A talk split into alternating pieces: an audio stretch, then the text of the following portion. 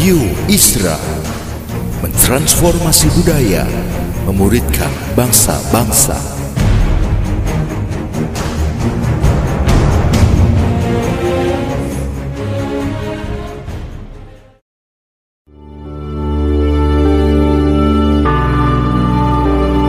Apostolic Prophetic Messages mengungkapkan pesan dan arahan dari hati Tuhan bagi gerejanya demi menuntaskan mandat kerajaan Allah di Indonesia dan bangsa-bangsa. Selamat mendengarkan.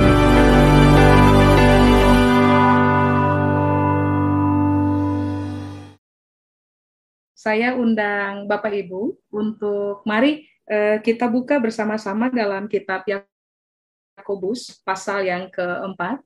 Yakobus pasal yang keempat saya akan baca untuk kita ayat 13 sampai dengan ayat yang ke-17 Bapak Ibu. Yakobus pasal yang keempat ayat 13 sampai dengan ayat yang ke-17. Kalau Bapak dan Ibu sudah dapat, saya akan baca untuk kita bersama. Judul perikopnya adalah Jangan Melupakan Tuhan dalam Perencanaan. 13. Jadi sekarang hai kamu yang berkata, hari ini atau besok kami berangkat ke kota Anu, dan di sana kami akan tinggal setahun dan berdagang, serta mendapat untung. Sedang kamu tidak tahu apa yang akan terjadi besok. Apa arti hidupmu? Hidupmu itu sama seperti uap yang sebentar saja kelihatan lalu lenyap sebenarnya kamu harus berkata, jika Tuhan kami akan hidup dan berbuat ini dan itu. Sekarang kamu megahiri dalam congkakmu dan semua kemegahan yang demikian adalah salah. Jika seorang jadi jika seorang tahu bagaimana ia harus berbuat baik tetapi ia tidak melakukannya, ia berdosa. Nah, mari kita kembali ke ayat yang ke-13, Bapak Ibu. Nah, begini, eh, Alkitab tidak pernah di ayat 13, Alkitab tidak pernah bilang bahwa merencanakan sesuatu itu salah. Enggak. Gitu. Jadi begini, Bapak dan Ibu juga saya harus menjadi pribadi-pribadi yang terbiasa merencanakan segala sesuatu dalam hidupnya kita. Mengapa demikian? Sebab Tuhan yang saudara dan saya sembah adalah Tuhan yang sangat mahir membuat atau menyusun sebuah perencanaan. Dia tidak pernah bekerja dalam apa ya, dalam uh, quote and quote mengalir saja. Enggak, Tuhan bukan tipikal yang mengalir saja. Dia adalah uh, pribadi yang bekerja kita by timing, uh, berkaitan dengan ketepatan waktu gitu, berkaitan dengan semua strategi dan perencanaan. Jadi kalau kita membaca ayat 13, eh, Bapak Ibu dan saya harus ada pada pemikiran ini bahwa berencana itu nggak salah. Kita harus berencana. Ingat, Tuhannya kita bukan Tuhan mengalir. Tuhannya kita adalah Tuhan yang terbiasa bermain pakai perencanaan. Contoh, kitab kejadian pasal 1 saja, kita sudah bisa menemukan bahwa Tuhan itu bekerja pakai rencana. Hari pertama dia ngapain, hari kedua dia ngapain, sampai kepada hari terakhir, lalu kemudian ada uh, rest time yang Tuhan putuskan untuk buat. Jadi ayat 13, nggak ada yang salah. Nah sekarang mari kita lihat di ayat 14. Ayat 13 kan bilang, e, hari ini atau besok kita bakal berangkat tuh ke kota Anu. Nanti di sana tinggal setahun, setelah itu yang akan terjadi adalah kita akan berdagang lalu kemudian kita akan dapat untung. Nah, itu nggak ada yang salah. Cuma coba saudara perhatikan ayat 14. Di ayat 14, Alkitab bilang begini, kamu nggak tahu apa yang akan terjadi besok. Apa arti hidupmu? Nah, Alkitab bilang ini, hidupmu itu sama seperti uang yang sebenarnya kelihatan. Nah, di kita ya untuk memberitahukan kepada kita kan tadi di ayat 13 saya bilang kepada Bapak Ibu bahwa membuat perencanaan nggak salah. Tetapi di ayat 14 Alkitab lagi berupaya menyampaikan realita tentang kita, tentang Bapak Ibu, Saudara dan juga tentang saya. Nah, apakah realita tentang kita? Sederhana. Realita tentang kita adalah begini, kita ini penuh-penuh dengan hmm, limitasi, so limit, sangat terbatas dalam semua sisi. Saudara bayangkan tuh, Alkitab mengkaitkan realita begini dengan kita. Kamu nggak tahu apa yang terjadi besok. Artinya kan kita terbatas kan, Bapak Ibu, dalam melihat hari esok. Kita terbatas dalam pemahaman, kita terbatas dalam pertimbangan. Sedangkan Tuhan adalah pribadi yang tahu betul hari besok akan terjadi apa. Dia tahu betul satu jam dari sekarang apa yang akan terjadi. Secara kita, kita penuh dengan limitasi. Kita nggak tahu apa-apa. Itu yang Yakobus berupaya untuk jelaskan kepada kita, start di ayat 14. Lalu yang berikutnya, Yakobus menitik beratkan kebenaran ini. Hidupmu itu sama seperti uap hari ini ada, besok lenyap. Berarti kan ini yang harus kita pahami. Saudara dan saya bukan hanya penuh dengan limitasi, penuh dengan keterbatasan. Tapi yang kedua, Alkitab lagi berupaya beritahukan kepada kita bahwa ah, hidupnya kita itu nggak akan selama-lamanya kok ada di bumi, Pak, Ibu kehidupan yang sedang kita jalani hari ini sebenarnya bukan kehidupan yang selama-lamanya kan? Sebab kehidupan yang selama-lamanya akan kita nikmati di dalam kekekalan. Jadi Yakobus berupaya memperhadapkan kita kepada kesadaran bahwa satu, kita terbatas. Dua, orientasi kita harus kepada kekekalan. Karena kita hidup di bumi cuma sementara. Nah, ini harus dibangun dalam mm, dasar berpikir kita supaya pada akhirnya saudara dan saya dapat mengerjakan ayat 15. Nah, di ayat 15 Yakobus bilang begini. Ayat 13, berencana salah enggak salah. Tetapi berkaitan dengan perencanaan yang kita buat, berkaitan dengan keterbatasan kita, berkaitan dengan hidup kita sementara, makanya orientasi kita harus kepada kekekalan. Makanya di ayat 15 Yakobus bilang, sebenarnya kamu harus berkata, Saudara dan saya harus berkata, apa? Jika Tuhan menghendakinya, dua hal yang akan terjadi. Satu, kami akan hidup. Dua, kami akan berbuat ini dan itu. Ulang ya, ulang. Kita terbatas. Kita punya kehidupan tidak cuma hari ini, kita harus berorientasi sampai kepada kekekalan. Bikin rencana, nggak ada salah dengan itu. Tapi kesadaran yang harus dibangun pada ayat 15 adalah ini realitanya. Jika Tuhan menghendaki, kami akan hidup. Dua, jika Tuhan menghendaki, kami akan berbuat ini dan itu. Nah, sekarang mari kita lihat dulu apakah yang dimaksud dengan kata uh, menghendaki atau menghendakinya yang tertulis pada ayat 15. Kata menghendakinya di situ, Bapak Ibu, kalau dalam bahasa Yunani menggunakan kata telo, T H E L O, telo. Telo itu artinya adalah begini. Jika Tuhan menikmati atau jika Tuhan senang dengan apa yang saya rencanakan. Coba-coba kembali ya. Tadi saya bilang kepada Bapak Ibu dan juga semua saudara bahwa bikin rencana dalam hidup nggak salah tapi ingat baik, kita terbatas. Dua, kita nggak selama-lamanya hidup di bumi. Makanya, apa pun yang kita rencanakan, orientasinya harus sampai kepada kekekalan.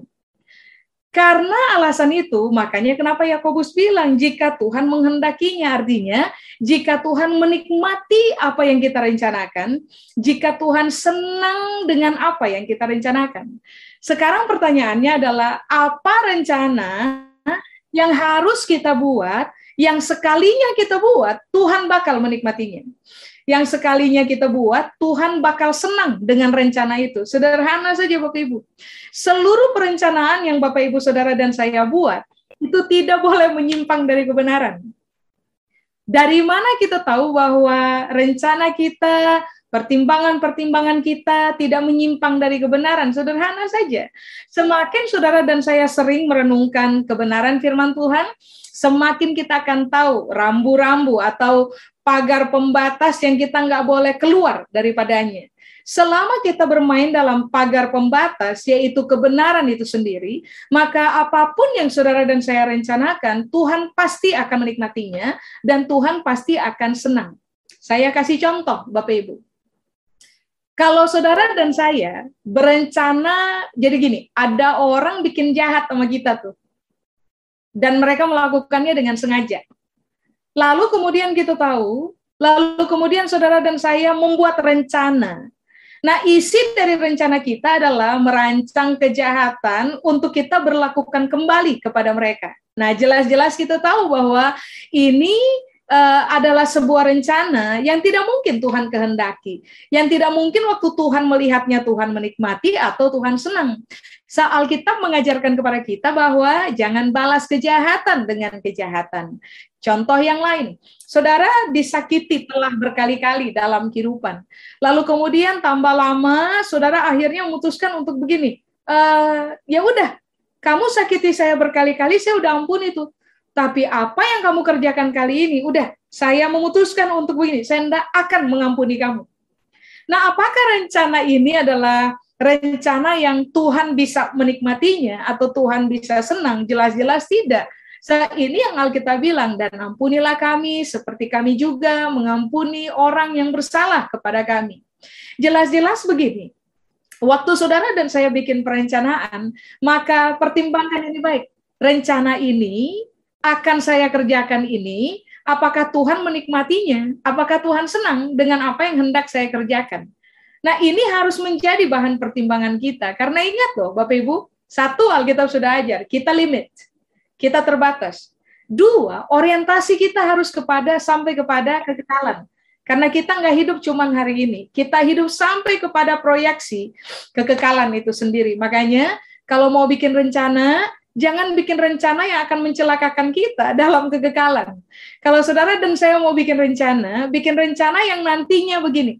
Kalau toh kita bertemu dengan Tuhan one on one di dalam kegagalan, kita aman, kita bersih. Sebab dari sejak kita tinggal di bumi, kita telah menyusun rencana-rencana yang kita tahu betul. Kalau saya bikin, Tuhan pasti senang. Kalau saya bikin, Tuhan pasti menikmati apa yang saya bikin. Amin. Nah, kata menikmatinya atau kata telo, pengertian yang kedua adalah begini, Bapak Ibu. Rencana yang ada dalam pikiran Tuhan, rencana yang ada dalam tujuan Tuhan. Saya kata telo yang berikutnya adalah begini. Kalau rencana yang kita bikin adalah rencana yang sesuai dengan Tuhan punya tujuan, Tuhan punya pemikiran, maka telo tuh artinya begini, Tuhan akan menolong kita untuk bisa menyelesaikan rencana tersebut dan berhasil dalam hidupnya kita. Makanya mengapa Yakobus bilang, sebagai manusia yang sangat terbatas, orientasi kita harus sampai kepada kekekalan. Kita bikin rencana tidak boleh menyimpang dari kebenaran. Kita bikin rencana harus bersejalan dengan Tuhan punya pikiran, bersejalan dengan Tuhan punya tujuan. So, kalau itu yang saudara dan saya lakukan, kata Telo tuh bilang begini, Tuhan akan menolong kita, menghendaki itu artinya ini. Arti yang ketiga adalah ini, Tuhan akan menolong kita sehingga apa pun yang kita rencanakan itu bisa terselesaikan. Itu yang Yakobus maksudkan. Makanya kenapa uh, saya bilang kepada Bapak dan Ibu, bikin rencana dalam hidup nggak ada salah. Tapi ada rambu-rambunya. Nah, semua orang yang bikin rencana sesuai dengan rambu yang baru saja kita pelajari, Alkitab menjamin, Bapak Ibu, Tuhan itu menjamin bahwa kalau saudara dan saya mengerjakan sesuai dengan dia punya rambu-rambu, telo, mengizinkan artinya dia menolong kita sampai rencana kita terselesaikan dengan baik. Amin. Makanya kenapa Yakobus bilang, kalau rencana kita sudah dikehendaki oleh Tuhan, maka yang akan terjadi adalah saudara dan saya akan bisa hidup satu. Dua, saudara dan saya akan bisa berbuat ini dan itu. Sekarang pertanyaannya adalah begini, apakah hidup? Soal kita bilang, kalau saudara dan saya bikin rencana sesuai dengan kehendaknya Tuhan, kita bisa hidup. Kata hidup di situ, Bapak Ibu, bahasa Yunani menggunakan kata zau, Z A-O, Zao. Zao itu artinya adalah begini, saudara dan saya bisa menikmati kehidupan yang sebenarnya. Jadi Yakobus lagi bilang, kalau mau bikin rencana, bikin rencana yang jangan menyimpang dari Tuhan punya isi hati. Itu punya pikiran, dari Tuhan punya tujuan. Supaya kita, saudara dan dapat menikmati kehidupan yang saya kasih contoh Bapak Ibu. Ada banyak orang berhasil dalam hidup mereka, memiliki kelimpahan dari sudut materi, tetapi tidak banyak orang bisa menikmati mereka punya hidup. Secara ini yang Alkitab ajar. Bikin aja rencana, nggak ada salah dengan itu. Tapi jangan keluar dari rambu-rambu. Pastikan Tuhan senang, pastikan Tuhan menikmatinya, pastikan rencana kita sesuai dengan Tuhan punya pikiran dan Tuhan punya tujuan, supaya pada akhirnya saudara dan saya akan ditemukan sebagai orang-orang yang dapat menikmati kehidupan yang sebenarnya. Karena apa pun yang kita rencanakan Tuhan menolong di dalamnya sehingga karena Tuhan menolong apa pun yang kita rencanakan itu accomplish bisa terselesaikan. Amin Baru pada titik itu tuh Alkitab bilang, kamu dapat menikmati kehidupan kamu yang sebenarnya. Bayangkan, kita dibuat oleh Tuhan berhasil dan apa pun yang kita buat tidak me, tidak menghasilkan tuduhan bagi kita secara hati nurani. Kita tahu banget bahwa yang kita buat itu aman di hadapan Tuhan. Tangan kita bersih. Itulah sebabnya mengapa Alkitab Alkitab bilang, selama saudara dan saya menjadi orang-orang yang bikin rencana sesuai dengan Tuhan punya pikiran, sesuai dengan Tuhan punya tujuan, uh, Alkitab bilang gini, maka saudara dan saya akan ditemukan sebagai pribadi-pribadi yang semakin berkualitas, Alkitab bilang apa tadi?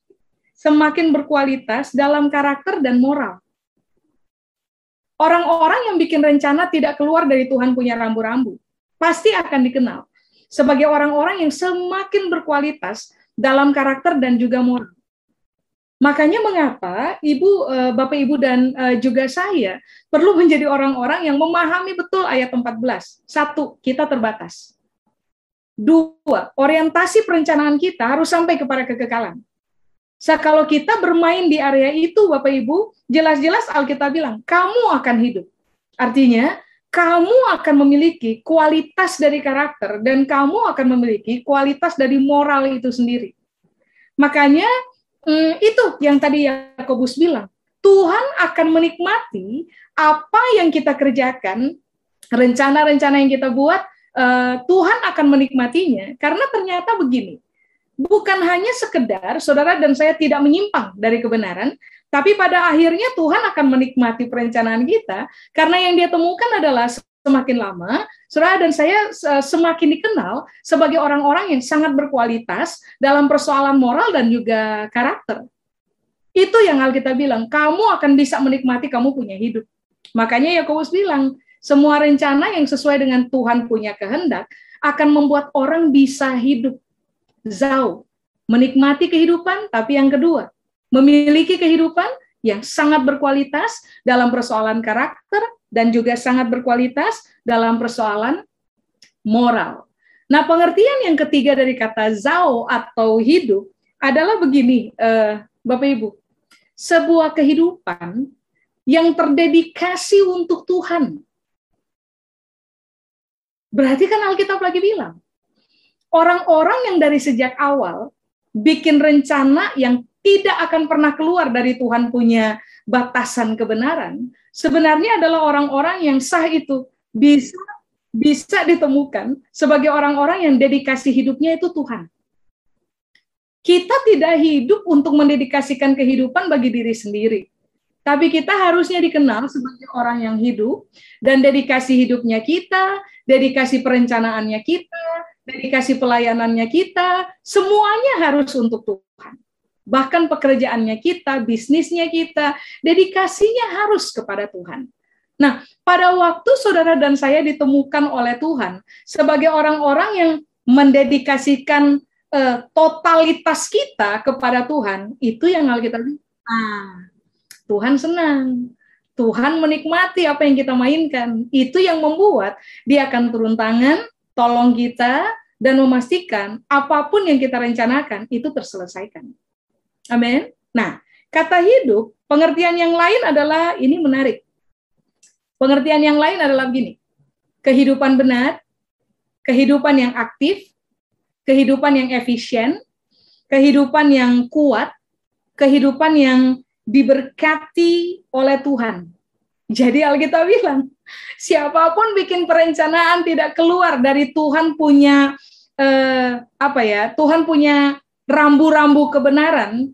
Ternyata Yakobus bilang gini, eh, jika Tuhan menghendakinya, kami akan hidup.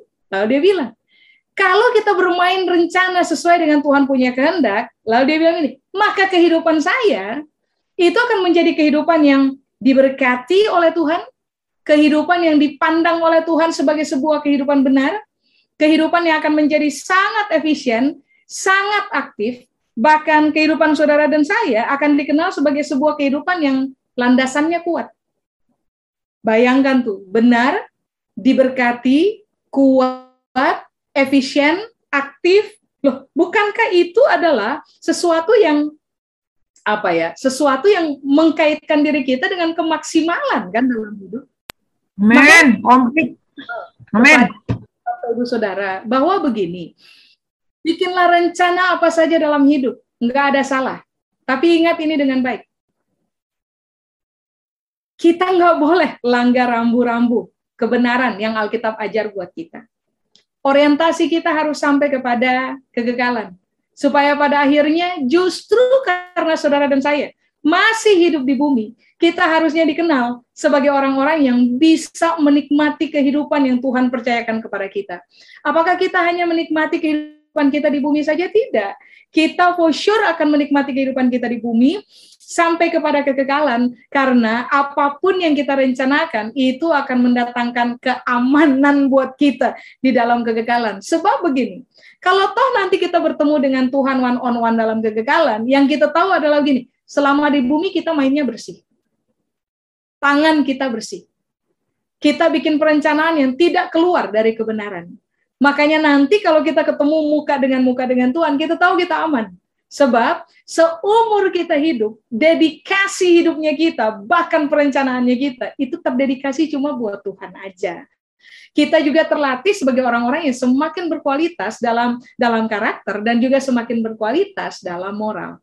Amin.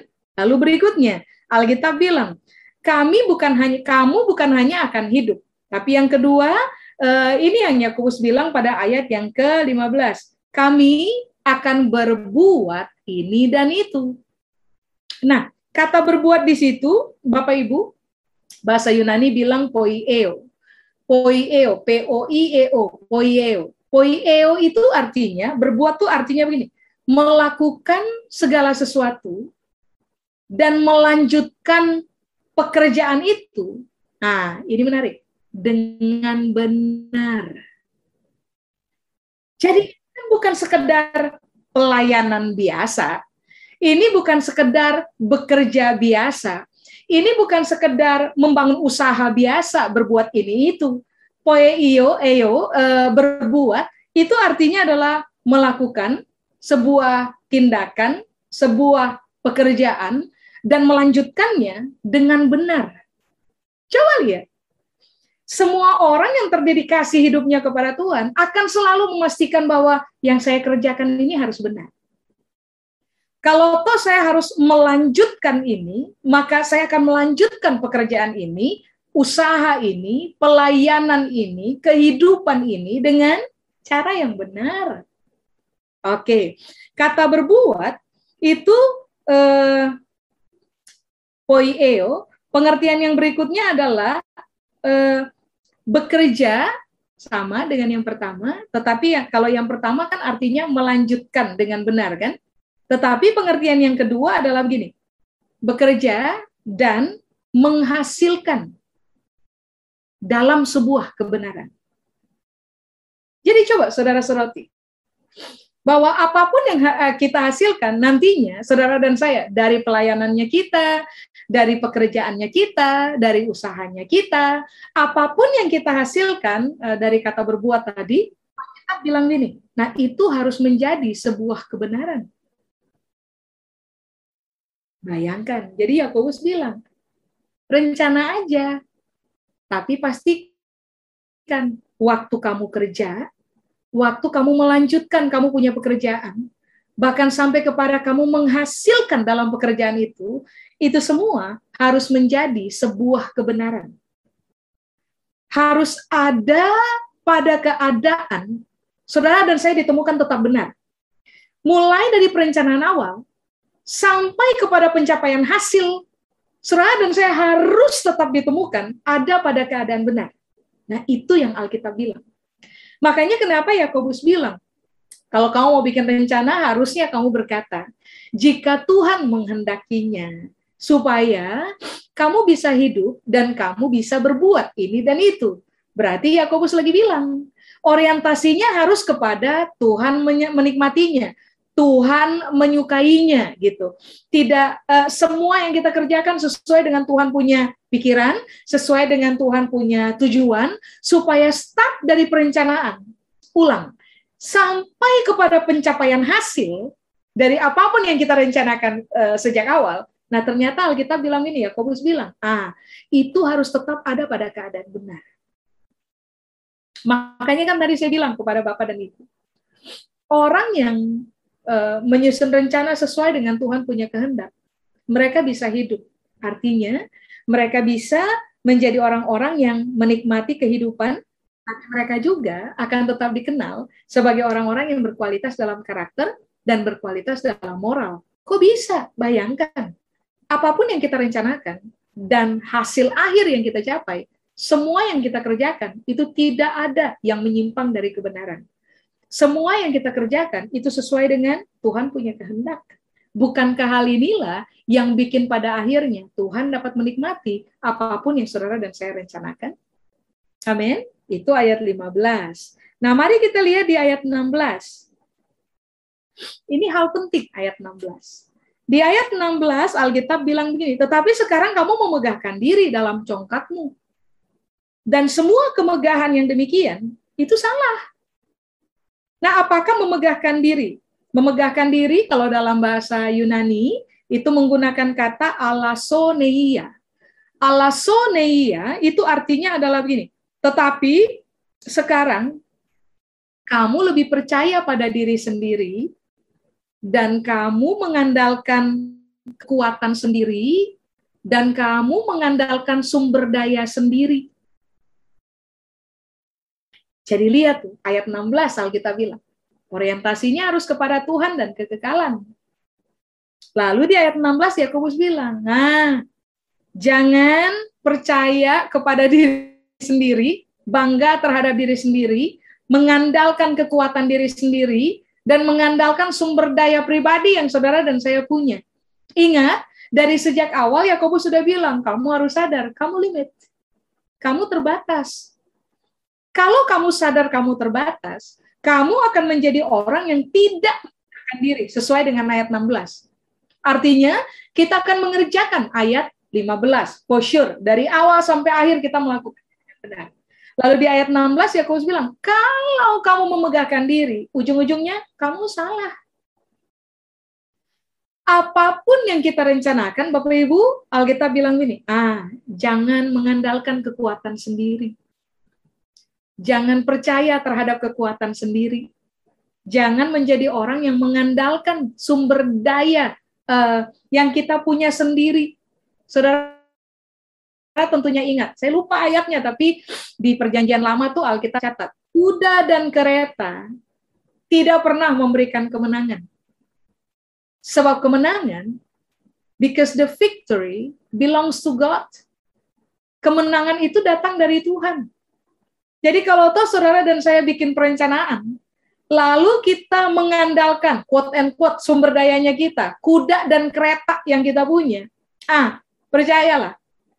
Waktu saudara dan saya bergantung kepada kekuatan diri sendiri, kemegahan diri sendiri, percaya kepada sumber daya diri sendiri, begini. Ujung-ujungnya yang kasih kemenangan itu Tuhan. Saudara masih ingat Mazmur pasal 127? Alkitab bilang dari sejak awal, jika bukan Tuhan yang bangun rumah, bagaimana? Sia-sia usaha orang membangunnya.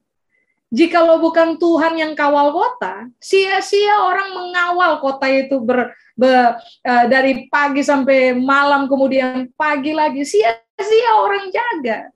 Kalau bukan Tuhan yang terhadapnya kita bergantung, terlibat dalam kita punya hidup. Semua orang yang memegahkan diri sendiri, mengandalkan kekuatan pribadi, bukan mengandalkan sumber daya yang kita punya secara pribadi. Ayat 16 Alkitab bilang ini, ah kamu salah. Coba, coba, masih ingat? Alkitab bilang ini juga kan? Diberkatilah orang yang mengandalkan Tuhan. Lalu kalimat berikutnya bilang apa? Terkutuklah orang yang mengandalkan kekuatan pribadi kan? Makanya kenapa Yakobus bilang, mainkan saja kamu punya seluruh rencana. Tapi jangan keluar dari Tuhan punya rambu-rambu.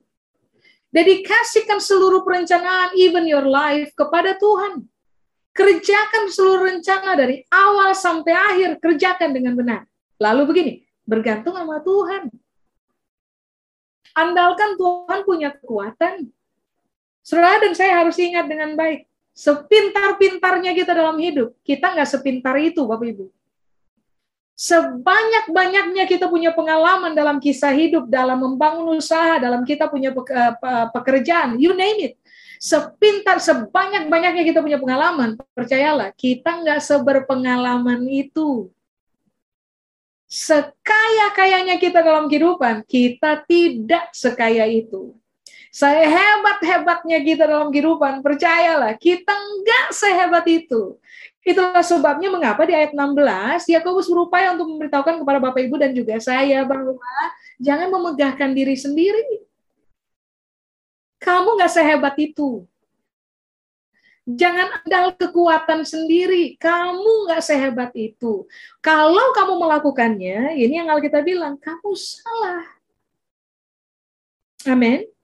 Memegahkan diri atau alasoneia, pengertian yang berikutnya adalah begini, jangan melanggar hukum ilahi dan hak asasi manusia itu nyata-nyata pengertiannya.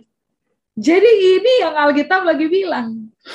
Kamu sekarang memegahkan diri, berarti Alkitab lagi bilang, waktu kamu susun rencana,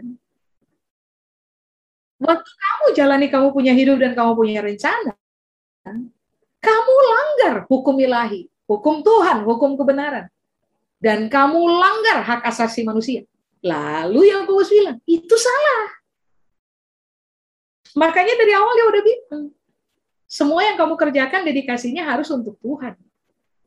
Karena kalau kamu mengerjakan sesuai sesuai dengan Tuhan punya pikiran, Tuhan punya tujuan, sesuai dengan apa yang Tuhan senangi, maka apa pun yang kamu kerjakan pasti benar. Tapi kalau kamu tidak kerjakan sesuai dengan rambu, yang akan terjadi pasti begini kamu akan langgar nilai kebenaran. Kamu juga akan langgar hak asasi manusia tuh. Sehingga pada akhirnya ini yang Alkitab bilang, ah, kamu melakukan kesalahan dalam perencanaan. Banyak orang tuh sometimes nggak fair loh, Bapak Ibu, nggak adil terhadap Tuhan. Kita bikin rencana, kita langgar rambu-rambu, kita andalkan kekuatan pribadi, dan waktu rencana itu gagal, kita mempertanyakan Tuhan. Dan waktu rencana itu gagal, kita kecewa pada Tuhan, kita marah pada Tuhan. Sebenarnya kan begini yang harus kita uji ulang. Sebentar, kenapa rencana gagal? Kenapa rencana tidak memberi hasil? Ini yang harus kita uji ulang. Jangan-jangan saya kerja itu tidak bisa Tuhan nikmati. Tidak bikin Tuhan senang menyimpang dari uh, jalur kebenaran. Ternyata yang saya rencanakan itu tidak sesuai dengan Tuhan punya pikiran, tidak sesuai dengan Tuhan punya tujuan, dan apa pun yang saya kerjakan tidak saya dedikasikan untuk Tuhan. Saya melanggar semua hukum yang ada. Kalau toh itu yang kita kerjakan Bapak Ibu, nah jelas-jelas kembali lagi dari awal mainkan lagi sesuai dengan apa yang Alkitab ajar. Supaya supaya waktu Tuhan menilik kita punya hidup. Yang dia temukan adalah ah saudara dan saya bukan tipikal orang yang suka memegahkan diri sendiri. Sehingga waktu Tuhan menemukannya yang Tuhan lihat tentang kita adalah kamu benar. Kamu nggak sedang bikin sesuatu yang salah. Amin. Ayat terakhir Bapak Ibu. Ayat terakhir ayat 17 ini menarik di ayat 17 Alkitab bilang, jadi jika seorang tahu bagaimana ia harus berbuat baik, tetapi ia tidak melakukannya, bagaimana? ia berdosa. Nah, sekarang kan begini.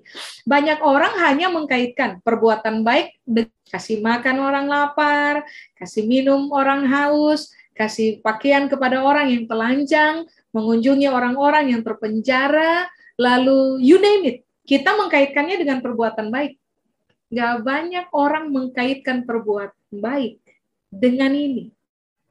Membuat perencanaan yang tidak menyimpang dari kebenaran. Sebab saudara baca aja kitab Yakobus pasal 4 ini, saudara akan menemukan ada beberapa perbuatan baik dan salah satu dari perbuatan baik adalah begini, perencanaan yang kita buat tidak menyimpang dari Tuhan punya kehendak. Itu perbuatan baik. Amin. Makanya kenapa di ayat 16 Alkitab bilang, kalau kamu memegahkan diri, kamu salah.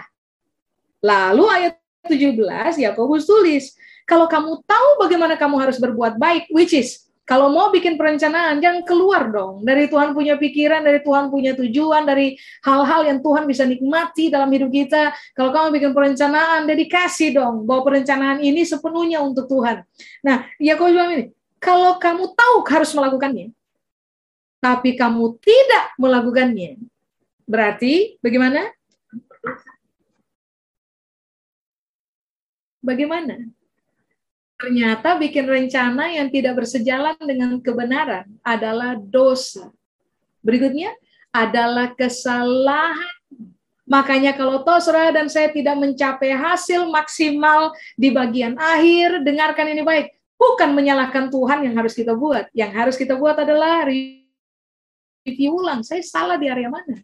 Saya kurang belajar di area mana? Perencanaan yang saya buat ini langkah-langkahnya kurang tepat di area mana. Nah, itu kan yang harus kita pertimbangkan. Begini Bapak Ibu, di ayat 17 kata berbuat baik itu bahasa Yunani menggunakan kata kalos. Kalos itu salah satu pengertiannya adalah begini, tindakan yang telah mendapat persetujuan.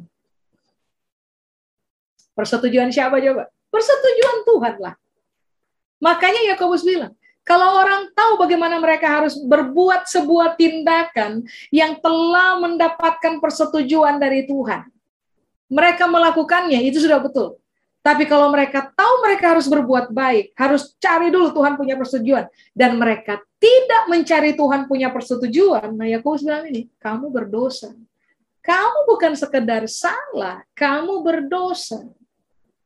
Nah ini yang Bapak Ibu dan saya perlu pertimbangkan sebagai individu, orang percaya, sebagai orang-orang yang hidup dalam komunitas, sebagai suami atau istri, sebagai papa atau mama, sebagai orang-orang yang membuat perencanaan dalam hidup, sebagai orang-orang yang melayani Tuhan, yang bekerja, yang memiliki usaha, you name it, kategorial yang mewakili dirinya kita. Pertimbangkan ulang. Semua rencana yang kita susun adalah rencana yang bikin Tuhan senang nggak? Yang dapat persetujuan dari Tuhan enggak? Yang tidak menyimpang dari rambu-rambu kebenaran enggak? Yang kita dedikasikan untuk Tuhan semata enggak? Yang sesuai dengan Tuhan punya pikiran dan Tuhan punya tujuan enggak? Nah, itu kita perlu pertimbangkan. Dan semua kita tahu, semua orang yang bikin rencana dengan menimbang apa uh, uh, nilai yang tadi saya sudah bilang kepada saudara, orang-orang itu pasti akan dikenal sebagai orang-orang yang berkualitas dalam karakter dan moral.